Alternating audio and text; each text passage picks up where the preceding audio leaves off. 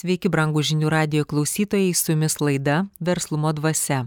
Portale mokslolietuva.lt buvo paskelbtas mokslinis darbas. Jame Vilniaus universiteto mokslininkai, Ugdymo mokslo instituto docentės Irena Stonkuvienė, Agnė Juškevičianė ir Vilniaus universiteto docentas Simonas Šabanovas atliko lyginamąjį tyrimą kuriame apibrėžia kaip švietimo kokybę supranta ir vertina skirtingos ugdymo procese dalyvaujančios grupės tėvai mokytojai mokyklų administracijos darbuotojai ir darbdaviai šiame darbe matyti kad vieni apibrėžimai labiau akcentuoja kiekybinius išmatuojamus rezultatus tai būdinga ekonominiam požiūriui į švietimą o kiti daugiau dėmesio skiria pačiam edukacijos procesui kas vyksta pamokose mokyklose.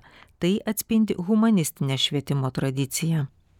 Docentės stonkuvienės teigimu tyrimas atskleidė kad humanistinis požiūris yra vyraujantis tačiau tikrovė yra kitokia ir joje labiau taikomas ekonominis požiūris.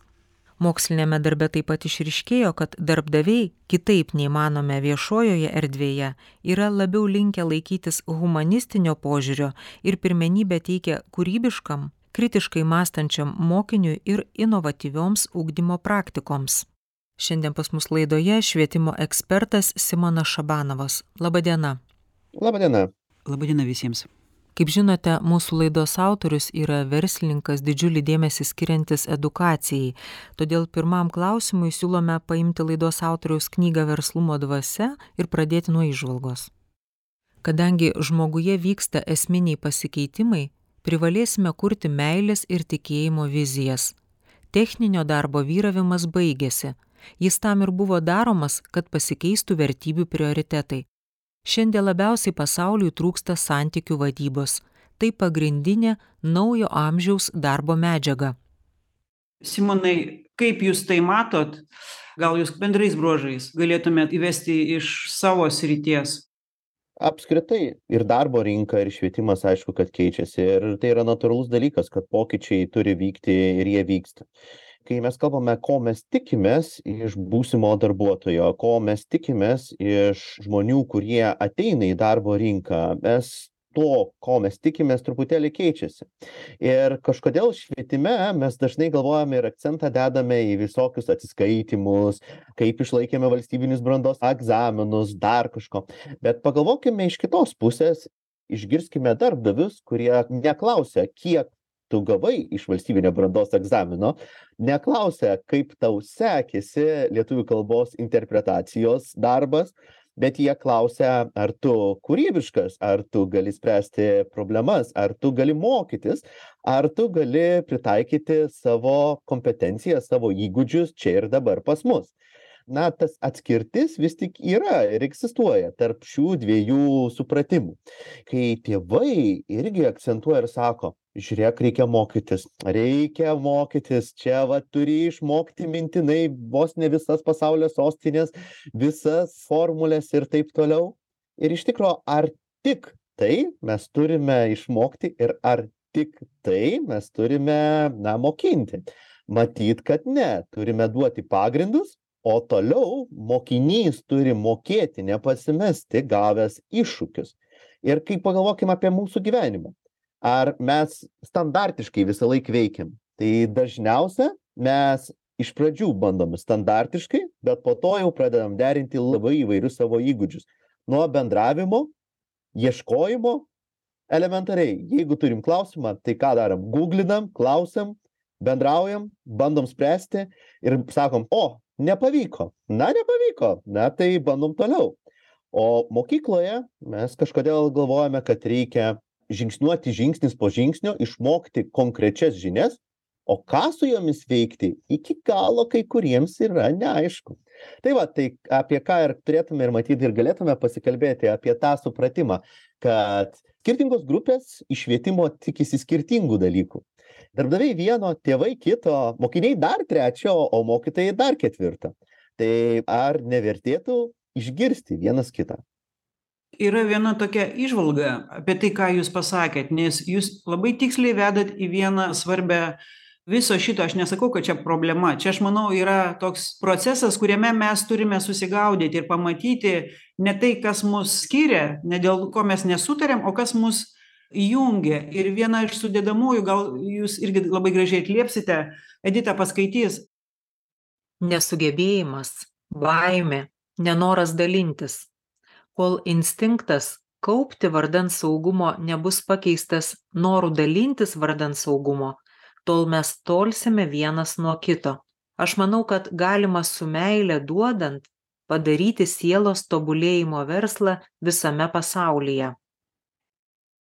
Ar simonai jums neatrodo kad jūs išvardinęs šitas atskiras sritis kurios visos suinteresuotos dėl bendro tikslo iš principo į skirtingas e, puses eina.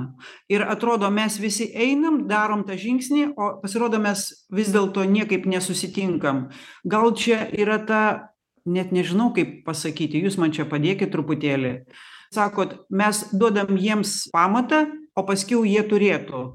Tai gal vis dėlto tas pamatas tos žinios kaip jūs sakote ar dar kažkas tai gal dar prieš tai turi būti šitas dar fundamentalus pamatas kad mes turėtume šitą savo supratime suvokime visi tėvai mokytojai valstybė. Manau kad pirmiausia reikėtų išgirsti vienas kitą. Tai čia yra labai svarbus dalykas. Pasirinkti matyt kryptį kuriam mes judame lietuvoje mes turime daug pavyzdžių ir ir daug citavimų iš užsienio patirties. Mes sakome apie tai kad yra pavyzdys ten singapūras kaip jie gerai įveikė tarptautinius tyrimus kaip jiems gerai pasisekė. Bet tada reikia ir pasiklausti savęs o kaip jie tai padarė? Jie pasirinko savo aiškią kryptį ir sako testuosime iki negalėjimo kam nepavyks tas nukris. Na būdas pasiekti gerų rezultatų tarptautiniai tyrimai. Taip pat mes girdime ir apie vadinamą suomijos pavyzdį kai mes kalbam apie pavyzdį kai ir sakome procesas svarbu. Mum nesvarbu dabar pirmiausia viską išmokti mum pirmiausia jauskimės gerai mokykimės eikime pasitikėkime mokytoju ir taip toliau. Lietuvoje kartais man atrodo mes atsistojame ir ten ir ten arba nors tai pabandome padaryti. Kai mes nepasirenkame krypties na neturime tos vizijos ambicijos pasirinkti ją. Tai va tada ir gal ir kyla iššūkių mums susitarti išgirsti vienas kitą ir sakyti čia gerai ar negerai nes bet koks kurį klausimą mes beveik švietime išgirstame tai ir būna taip. Vieni sako oi kaip čia blogai. Kiti sako turim kaip turim. O gal reikia dar iš kitos pusės pasižiūrėti ir pasidžiaugti ir sakyti na žiūrėkit mes nors kartą susitarėm gal tas kelias turi mūsų ir būti. Pirma ambicija. Antras susitarkime dėl vizijos į ką mes judame. Ir trečias kalbėkim diskutuokim. Ir tada man atrodo mums patiems bus lengviau. Tada mes ir galvosime kaip švietime sudėlioti tą sistemą ko mes tikimės iš jos ir ko mes tikimės ateityje iš tų žmonių. Čia irgi labai svarbus manau momentas mes neturim kalbėti ne tik kalbėti apie tai kaip dabar mokinys jaučiasi ką jis daro ką jis išmoksta mokykloj bet mes ir turime kalbėti apie tai kas bus toliau. Mes neturim sustoti ir galvoti kas toliau po to kaip jis gyvens ką jis transliuos ir ką jis mokys kitus. Nes tas pavyzdžio kultūra ir pavyzdžio sistema irgi yra labai svarbi ir dar vienas dalykas kuris man atrodo irgi čia yra svarbus mokykloje mes vengiame gal truputėlį klysti. Vengiam klysti elementariai. Ir turime tą kultūrą kai sakome na pabandėm suklydom dabar jau parašysiu aš tau įvertinimą gausi tą blogą įvertinimą. Tai kodėl į mokyklą einam? Dėl to kad išmokti klysti ir kuo daugiau klysti. Ir kad iš tų klaidų ką padaryti? Pasimokyti elementariai. Nes gyvenimas yra toks ir ateityje lygiai tas pats. Ir kai grįžtame truputėlį iš to į kitą požiūrį į tą ko darbdaviai tikisi ko mokytojai tikisi ir taip toliau jie tikisi pirmiausia kad jie galės klysti bet jie ir galės pasitaisyti. Va čia yra matyt akcentas jie galės išmokti ir nekartoti to. Manau kad į šitą mes ir turėtume žygiuoti.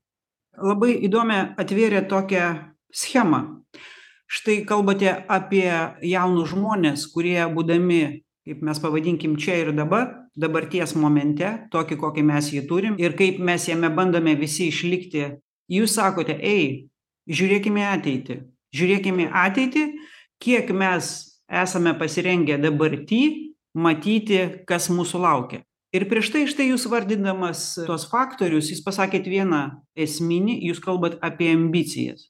Kalbėjot prieš tai apie suomiją apie singapūrą. Tai kada mes kalbame apie ambicijas simonai jūs tikriausiai sutiksit su manim tai mes kalbam ne apie simono ne apie editos ir ne apie ingos ambicijas. Mes kalbame apie mūsų tautos apie mūsų nacionalinio to kolorito to identiteto ambiciją tai vadinasi mes žiūrėkit kaip įdomiai jūs tuo pačiu ir sakote jeigu mes ignoruosime praeitį tas kas mes esame ir dabarty būsime tiktai tie kurie turime veržtis padaryti su ta ateitim ten kažkaip tai bus ne taip. Kaip jum šita vieta? Tai man atrodo kad čia pirmiausia nereikia daryti revoliucijų ne ir revoliucijos nėra kelias. Tai yra mes turime pasižiūrėti į savo piliečius tai piliečiai tai yra tikrai ne tik tauta čia plačiau daug platesnė matyt sąvoka valstybės gyventojai kurie turi apsispręsti ir turėti ambiciją. Bet ta ambicija gimsta dažniausia iš patirties iš to ką mums perduoda ir sako na žiūrėkit mes tai darėm ką darėm pavyko kai kas kas nepavyko bet jūs turit įrankius jūs galite tuos dalykus pabandyti kitaip padaryti arba patobulinti arba panaudoti ką mes panaudojom čia gal ir nereikėtų visąlaik galvoti čia irgi mūsų iššūkis man atrodo pas mus daugelyje sričių yra kad mes norime viską pakeisti iš esmės. Jeigu jau darom tai keiskime viską iš esmės. Tai kartais reikia pasižiūrėti ir tai kas veikia tą pabandyti tuo pasiremti bet ir pakeisti tai ką norime pakeisti ką išbandyti. Ir jeigu ir pamatysime kad nelabai veikia tai galime ir grįžti tą žingsnį atgal ir tada vėl žengti dviem žingsnius į priekį. Reiškias kitaip padaryti ir išbandyti. Tai grįžtant prie jūsų pastebėjimo tai aišku kad mes turime kalbėti apie tai kad neturi būti revoliucijos visiškai bet ir tai turi būti žingsnis po žingsnio atliekama. Kad tie pokyčiai turi būti nuolatiniai. Taip nuolat vienas paskui kitą. Bet mes turime visąlaik prisiminti kas veikia kas pavyko ir ką mes galime iš savo tokios didelės įvairovės matyt valstybėje tokių įvairių piliečių ir bendruomenių mes galime paimti kas stipriausia. Tai tas yra puiku vieną įdomų simonai dar pasakėt dalyką. Apie klaidas. Apie galimybę klysti. Sudaryti sąlygas platformą mokykloje visiems klysti. Ir štai žiūrėkit kaip įdomiai. Valstybės aparatui politikams klysti galima o verslininkams klysti negalima.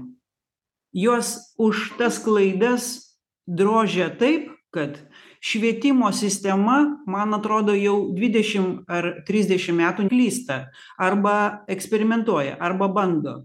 Mokykloje kaip jūs pats sakote vaikai už tai yra vertinami.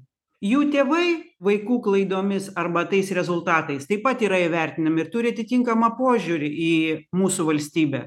Kaip čia ši vieta tai pirmiausia nereikia sakyti kad vien tik viskas švietime yra blogai. Man labai tas irgi skausmingai skamba. Manau kad kaip tik yra lietuvoje daug dalykų yra gerų kuriuos mes galime dalintis ir kuriais galime pasidalinti ir būti ta pati suomija ar singapūras ar taip toliau. Ir va čia yra irgi man atrodo toks skausmingas dalykas kurį kartais mes save mušame turim tokią nežinau palikimą kad mes galime dar geriau. Tai taip galime bet kartais reikia ir mokėti pasidžiaugti ką mes turim. Toliau kitas jūsų pastebėjimas tai ir pas mus atvažiuoja mokytis ir kitos valstybės ir sako o žiūrėkit jūs čia taip ir taip darote ir mes šitą norime panaudot. Va šitas yra geras dalykas. Jūsų pokyčiai yra irgi geri. Vien tik tirštinti spalvas ir sakyti kad blogai tai nėra taip iš verslo pozicijos jeigu su darbdaviais kalbi ir galvoji kaip čia yra tai darbdavys yra plati sąvoka tai yra ne tik verslas bet tai yra ir viešasis darbdavys ir vidutinio lygmens darbdavys ir co vadinamas.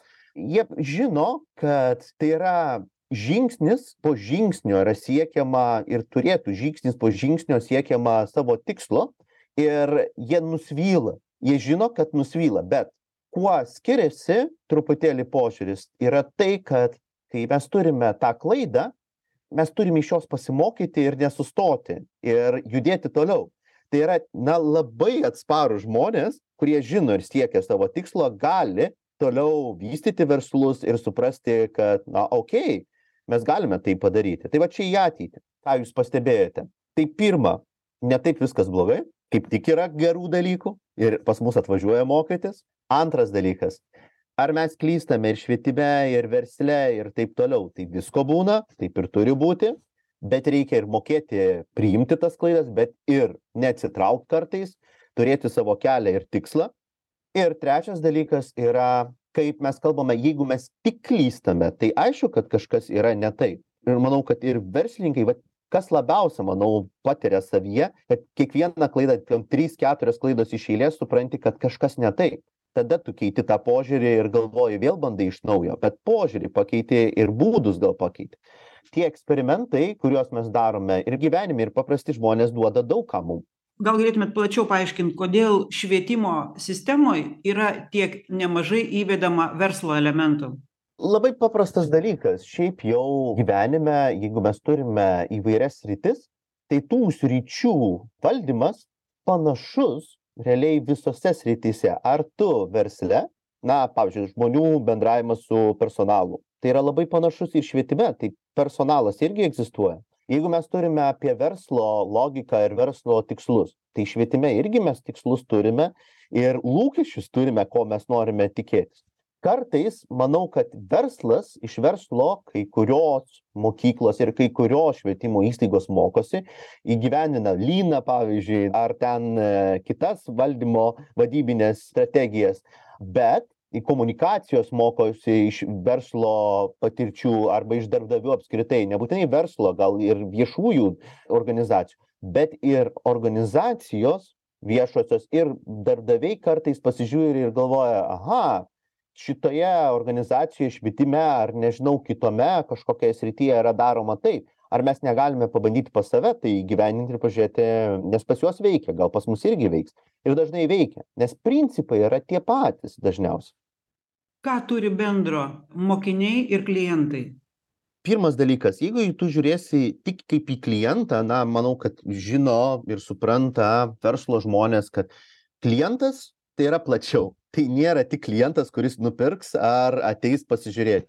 Tai yra žmogus bendruomenės narys kuris ateina pas tave dėl to pirmiausia ne dėl to kad ten kartais būna kaina gera ar dar kažko bet pirmiausia kad yra santykis kad yra aptarnavimo kokybė susitarimai. Ir net tokiu atveju klientas dažnai atleidžia tas klaidas kurias turi padaro. O mokykloje yra tų kurie tikisi kažko iš švietimo.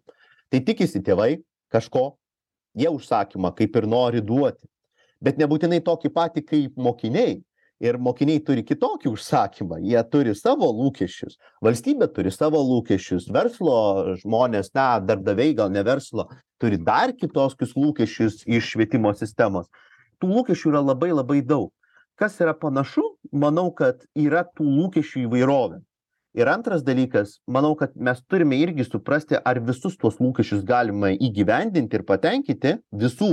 Nes suprantame kad kaip ir versle kaip ir kitose organizacijose ne visų. Tai ir švietime deja ne visų.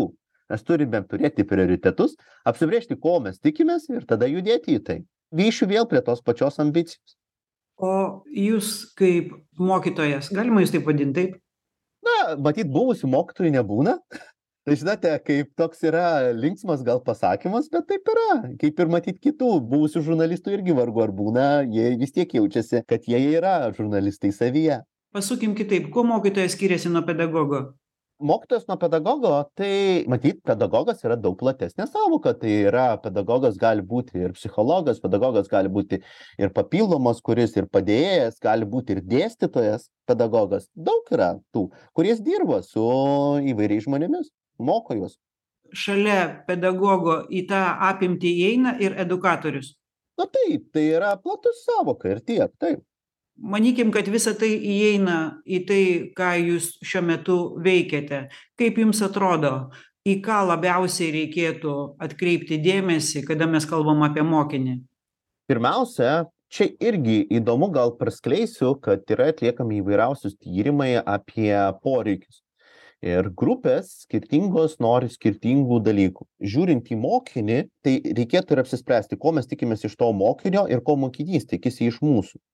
Seniau mes dažniau kalbėdavom apie žinias kažkokias kad mes išmokstame žinias arba yra kažkoks modelis ir mes jį mokome pritaikyti kad tik taip ir ne kitaip. Bet jeigu tu užduotyje ten pakeiti kažkokią sąvoką dar kažką dažnai mokinys net pasimeta. Šiuo metu daugiau tikimasi iš švietimo kritiškumo kūrybiškumo to holistinio prieigos labiau matyti pasaulį. Kitokie lūkesčiai pradedami kelti švietimui. Net ir grįšiu atgal ir kai paklausiu būtent apie darbdavių lūkesčius vat kaip darbdaviai ar jie tikisi kad jis mokės daugybos lentelę? Tai aišku kad tikėsis kad taip. Ar kad jis mokės visas ten formas visas kaip suskaičiuoti ir panašiai visas visas modelius? Tai tikrai vargu dėl to kad jis tikėsis iš jo pirmiausia kad jis mokės tai suskaičiuot susirasti kaip suskaičiuoti arba išmoks tai kartu. Tai va tai yra lūkesčiai kitokie keliami dėkojame švietimo ekspertui simonui šabanovui gerbiami klausytojai dabar pertrauka ir netrukus susitiksime antroje laidos verslumo dvasia dalyje Brangų žinių radio klausytojai, grįžtame į laidą Verslumo dvasia, antra dalis ir toliau kalbamės su švietimo ekspertu Simonu Šabanovu. Ar mokinys, turėdamas tokį požiūrį ir šiandien tokį mentalitetą, kokį jis turi, tokį išsivystimo lygį, tokį emocinį intelektą, jisai gali būti mokytojas šiandieniniams mokytojams. Reikėtų į tai atkreipt dėmesį.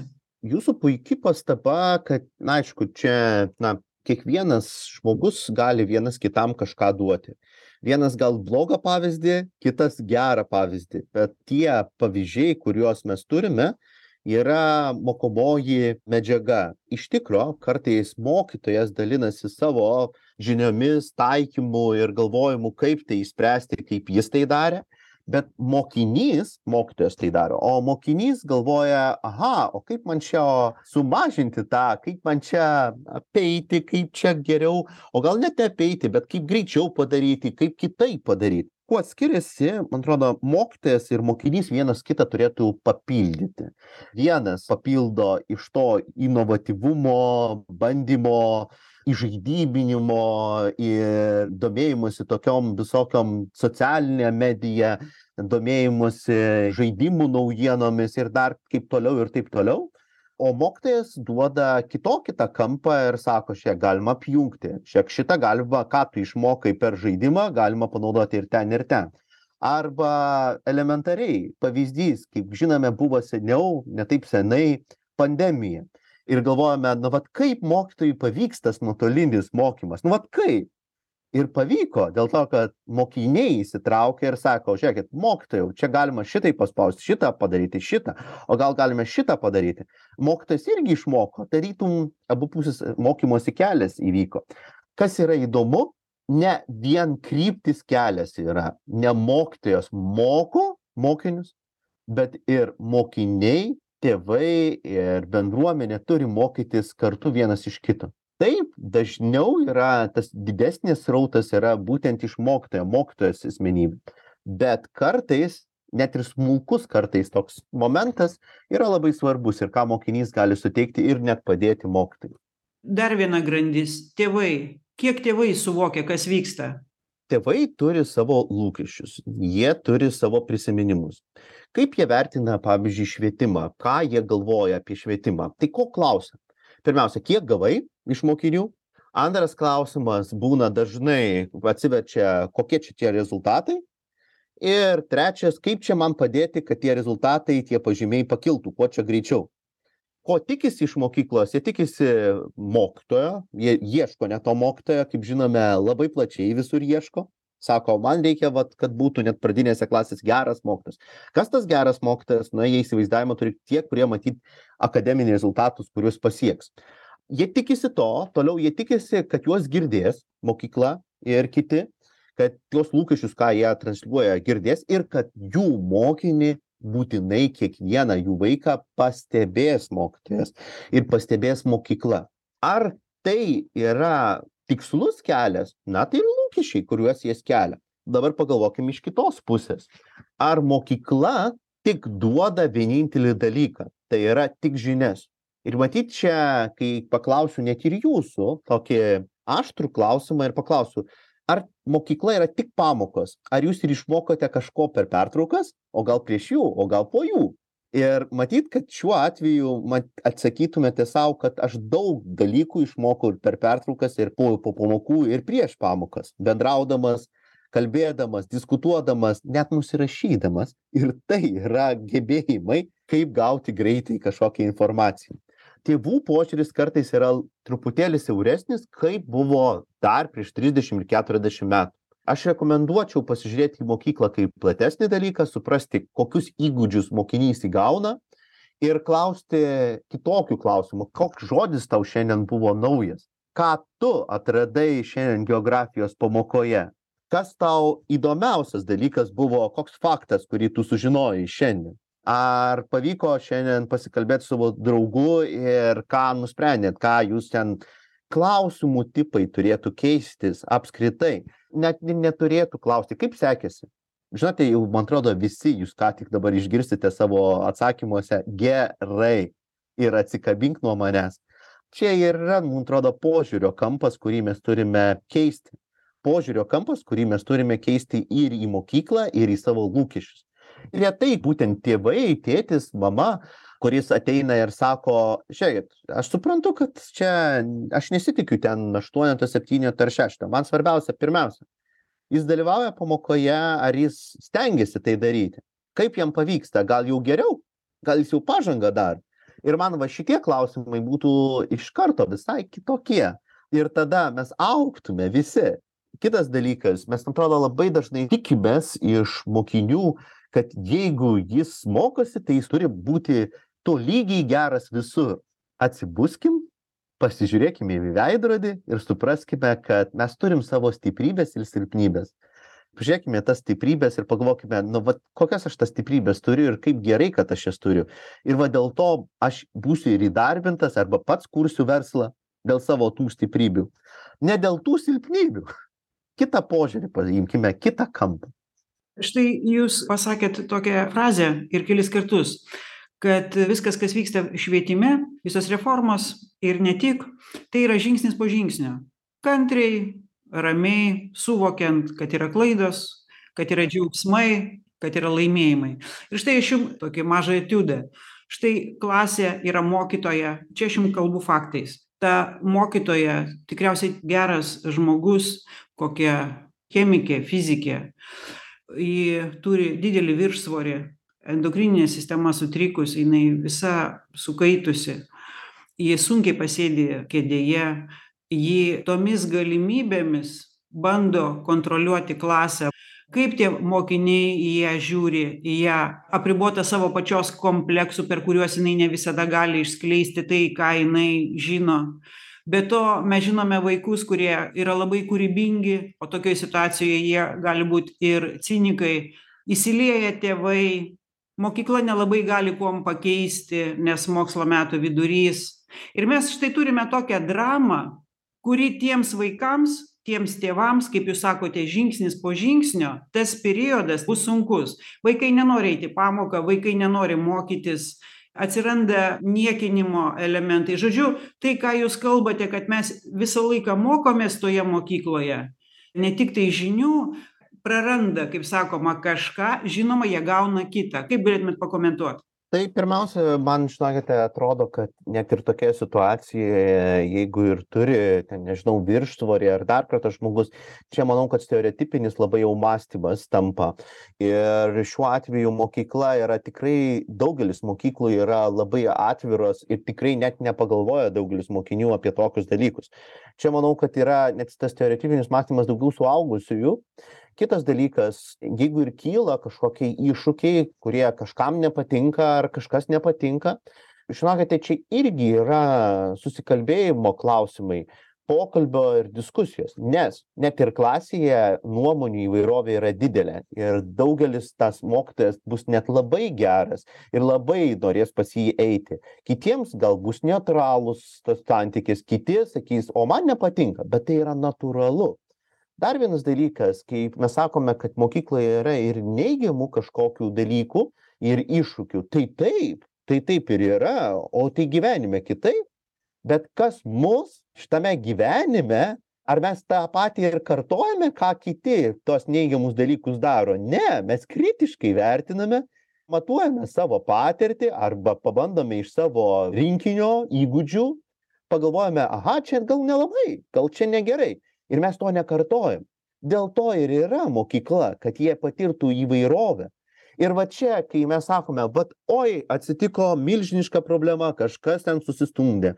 Kaip jūs čia taip galit mokykloje daryti? Kaip čia galėjo atsitikti? Tai jeigu mes nereaguosime ir nekalbėsime tai taip aš sutinku su tėvais ir su aplinka. Bet jeigu mes iš to mokinsimės ir sakysimės žiūrėk nerėksim vienas kito nekaltinsim vienas kito o pirmiausia pradėsime kas atsitiko? Kodėl taip atsitiko? Ką mes galime kitaip padaryti kad taip neatsitiktų? Iš pavyzdžio net ir neigiamo mes turėsime palikimą sau mintyse ko nereikėtų daryti ateityje. Taip ir yra. Tai mokykla ir yra gyvenimas. Gyvenimas ir mokykla nėra atskiras dalykas. Ir kodėl pavyzdžiui kartais būna mokiniai kad jie nepatiria to neigiamo dalyko nemato dvylika metų jeigu tu nematai ir nepamatytum netinkamo elgesio arba nu ne nepamatytum kad kartais būna ir nelabai tai kaip tu reaguosi gyvenime po to? Tu šoką apsakysi kaip čia taip galėjo atsitikti kas čia įvyko čia gerai blogai kas čia įvyko?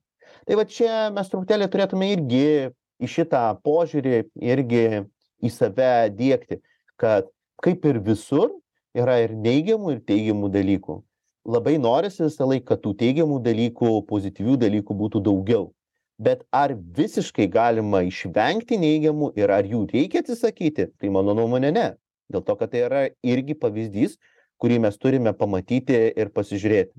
Ir kaip čia ten sako kartais, ar kiekvienas mokinys, jau dabar tarp suaugusių, kuris yra, ar jis buvo pabėgęs iš pamokos? Ir taip ir ne atsakymas. Ir buvo, kurie pabėgo ir prisimena šitą. Ir tie, kurie nepabėgo ir sakė, ne, aš nepabėgsiu. Bet ir tie, ir tie prisimena, kad tokie faktai būdavo. Yra kaip alternatyva privačios mokyklos kurios nuskanuoja tą visą neigiamybę kurios yra bendrose mokyklose ir jie sukuria savo koncepcijas nacionalinės mokyklos koncepcijas. Ir sudeda visas tas vertybes tas nuostatas tas metodikas. Aišku tai labai brangu daugeliui tėvų ir štai jie pradeda tam šiltnamy vaikus augint pavadinkim taip beje jūs pats savo vaikus leidžiat kur? Šiuo atveju mano vaikai eina į vadinamą viešąją mokyklą aš ja džiaugiuosi didžiuojuosi. Ir štai jūs taip gražiai pasakėt kad gyvenimas mokykla. Ir kiekvienas mes pagal tai ką užsitarnavom tą ir gaunam. Čia aš taip kabutėse sakau užsitarnavom. Ir kiekvienas mokomės iš tų pamokų kurias turime šią akimirką. Ir kaip sakome o lemia viską mūsų ambicijos.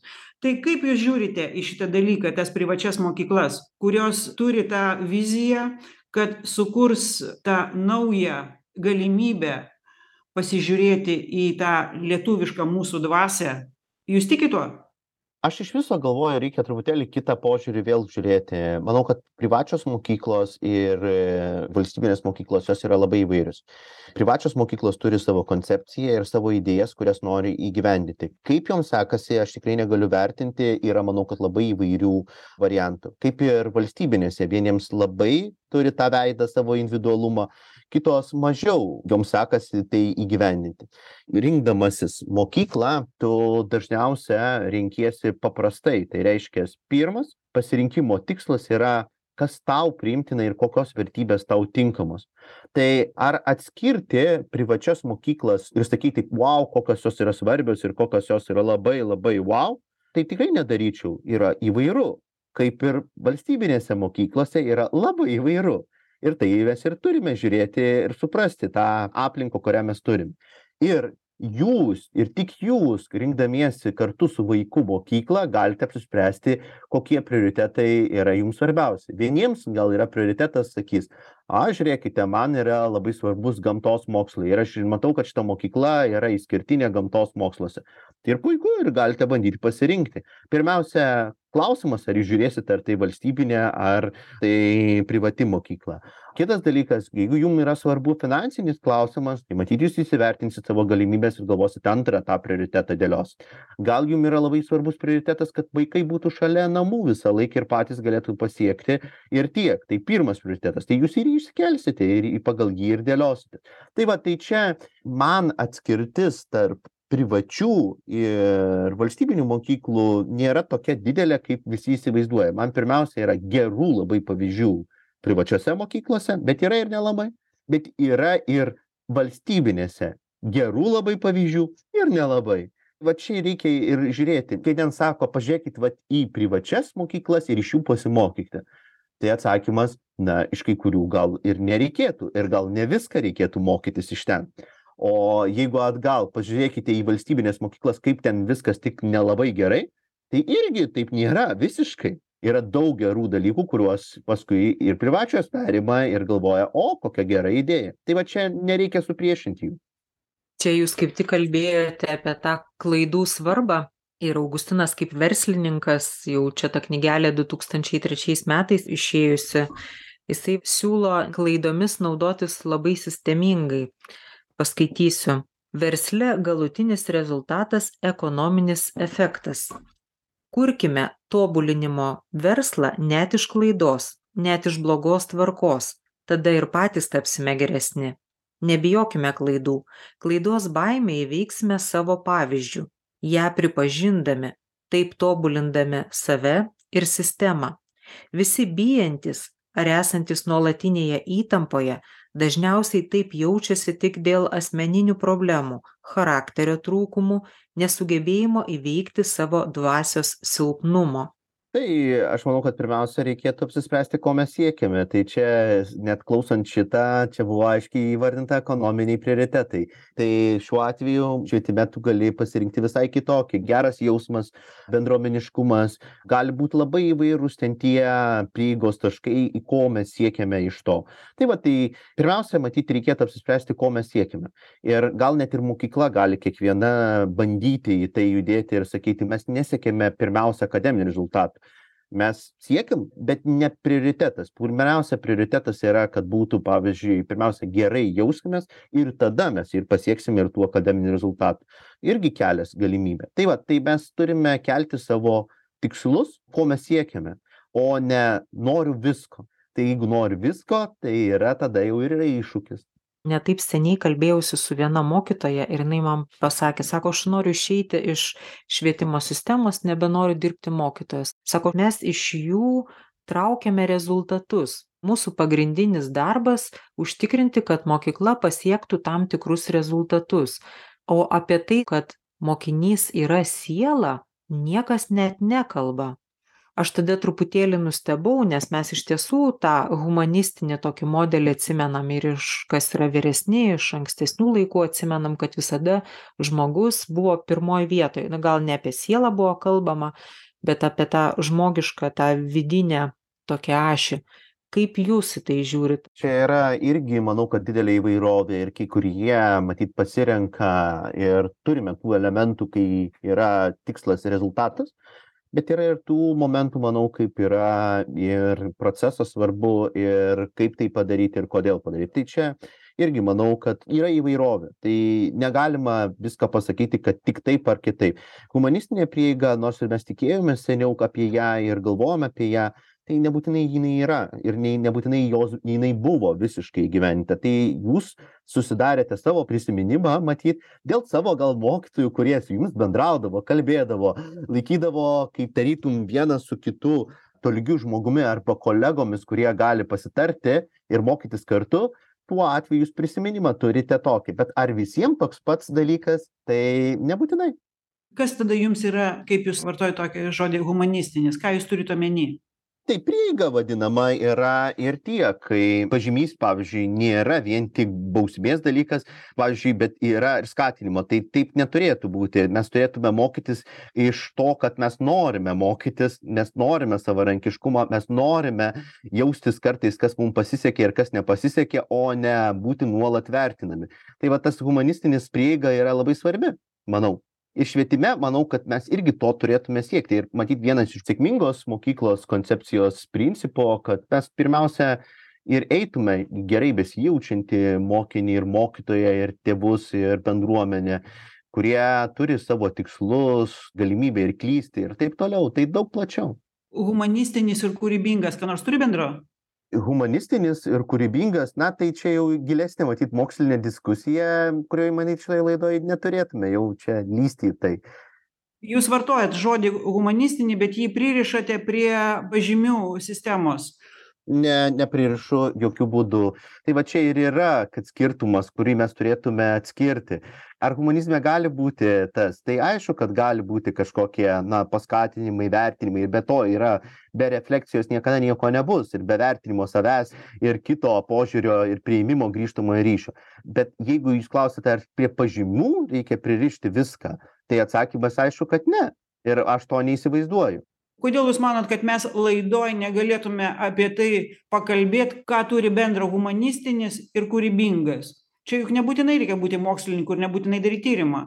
Aš taip tiesiai pasakysiu kad grįžtant atgal prie mano tyrimo gal srities ir tyrimų ir patirties tai kūrybiškumas yra svarbu. Mes visi tai suprantam. Kūrybiškai spręsti kūrybiškai žiūrėti į kai kuriuos iššūkius arba galimybes yra labai svarbu ir dažniausia tą kūrybišką kelią pasirenka mokiniai studentai tie kurie jaučiasi gan laisvai. Gera pozityvi aplinka ne siekimas kažkokio standarto tai reiškias kad aš mokėsiu pritaikyti pitagoro teoremą tokiose tokiose trijose ten tose užduotyse ne kad jie pasižiūrės į tai plačiau ir galvos o kodėl man reikia to kaip aš tai galiu padaryti o gal man reikia pasitarti ir tai įgyvendint tai vat prieiga yra kitokia apskritai. Štai jūs kelis kartus jau akcentavote kad švietime ne vien tiktai reikia orientuotis į neigiamus bet matykim teigiamus pozityvius ir jais pasidžiaukim tai ar jūs pabaigai galėtumėt pasakyti tuos šviesius dalykus nors keletą kad mes iš tiesų galėtume jais pasidžiaugti?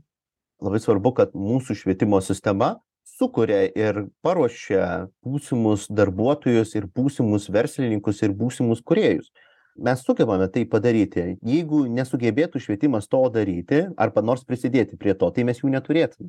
Mes galime pamatyti kad mes turim. Tai reiškias mes galim tai padaryti mes galime į ateitį žiūrėti ir mes galime tai ruošt. Ar iki galo tai paruošiame ar iki galo įmanoma paruošti tai čia yra kitas klausimas gal jau net ir retorinis. Pirmiausia pagalvokime apie tai kad mokykla ne tik žinių rinkinys mokykla ne tik vien tik pamoka. Mokykla yra plačiau. Tą ką mes bendravime bendraudami su draugais bendraudami su klase bendraudami su per pertraukas eidami į valgyklą ir taip toliau mes daug įgūdžių įgauname kurių mum prireiks gyvenime. Pasižiūrėkime plačiau. Neturime vien tik į pamoką ir tik į pamoką žiūrėt visą laiką. Ir ką jūs norėtumėt palinkėt mokytojams? Pirmiausia pozityvesniais būti. Antras dalykas kuris manau svarbus mes galim mes mokame mes žinom kaip padaryti tik matyt kad visąlaik reikia laiko tam ir galimybių. Tai linkiu kad mum irgi būtų suteikiamos tos galimybės įgyvendint savo idėjas linkėčiau į tos galimybės. Kas yra būdinga lietuviškai ambicijai? Lietuviškai ambicijai, aš manau, kad lietuviai yra maksimalistai. Jie nori būti visur geriausi. Mes norime būti ir tarptautinėse tyrimuose pirmi. Jeigu būsime dešimtukėje, tai bus baisu. Nesvarbu, kad dar šimtas valstybių po mūsų. Mes norime nuolat kažkodėl lygintis, mes norime būti tie geriausi visose srityse. Bet klausimas ar tai įmanoma? Matyt kad ne. Todėl ir mes ir turime išmokti atsirinkti ko mes siekiame ir išmokti kartais pasidžiaugti ką mes pasiekėme jau išmokti dalintis tuo ko mes pasiekėm tai nežinau ar išgirdot ką nors sau naujo bet tikiuosi kad kažką išgirdot ir sau naujo žinot išgirdom iš jūsų naujus vėjus jūsų būsenoje jūsų tokį perspektyvų aktyvumą. Jūs tikit ir jum patinka tikėt. Tai va tai matyt man tai svarbu yra gyvenime ir aš ne vien tik noriu viską kaltinti bet aš noriu ir pamatyti kaip aš galiu prisidėti prie to pokyčio. Arba kaip aš galiu parodyti kad tas pokytis visai gerai arba ką mes turim jau gerai yra.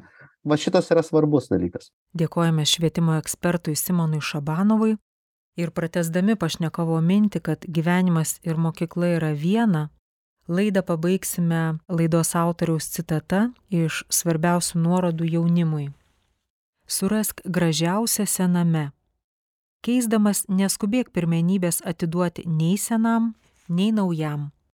Neprisirišk prie surasto, su godumu lauk rydienos.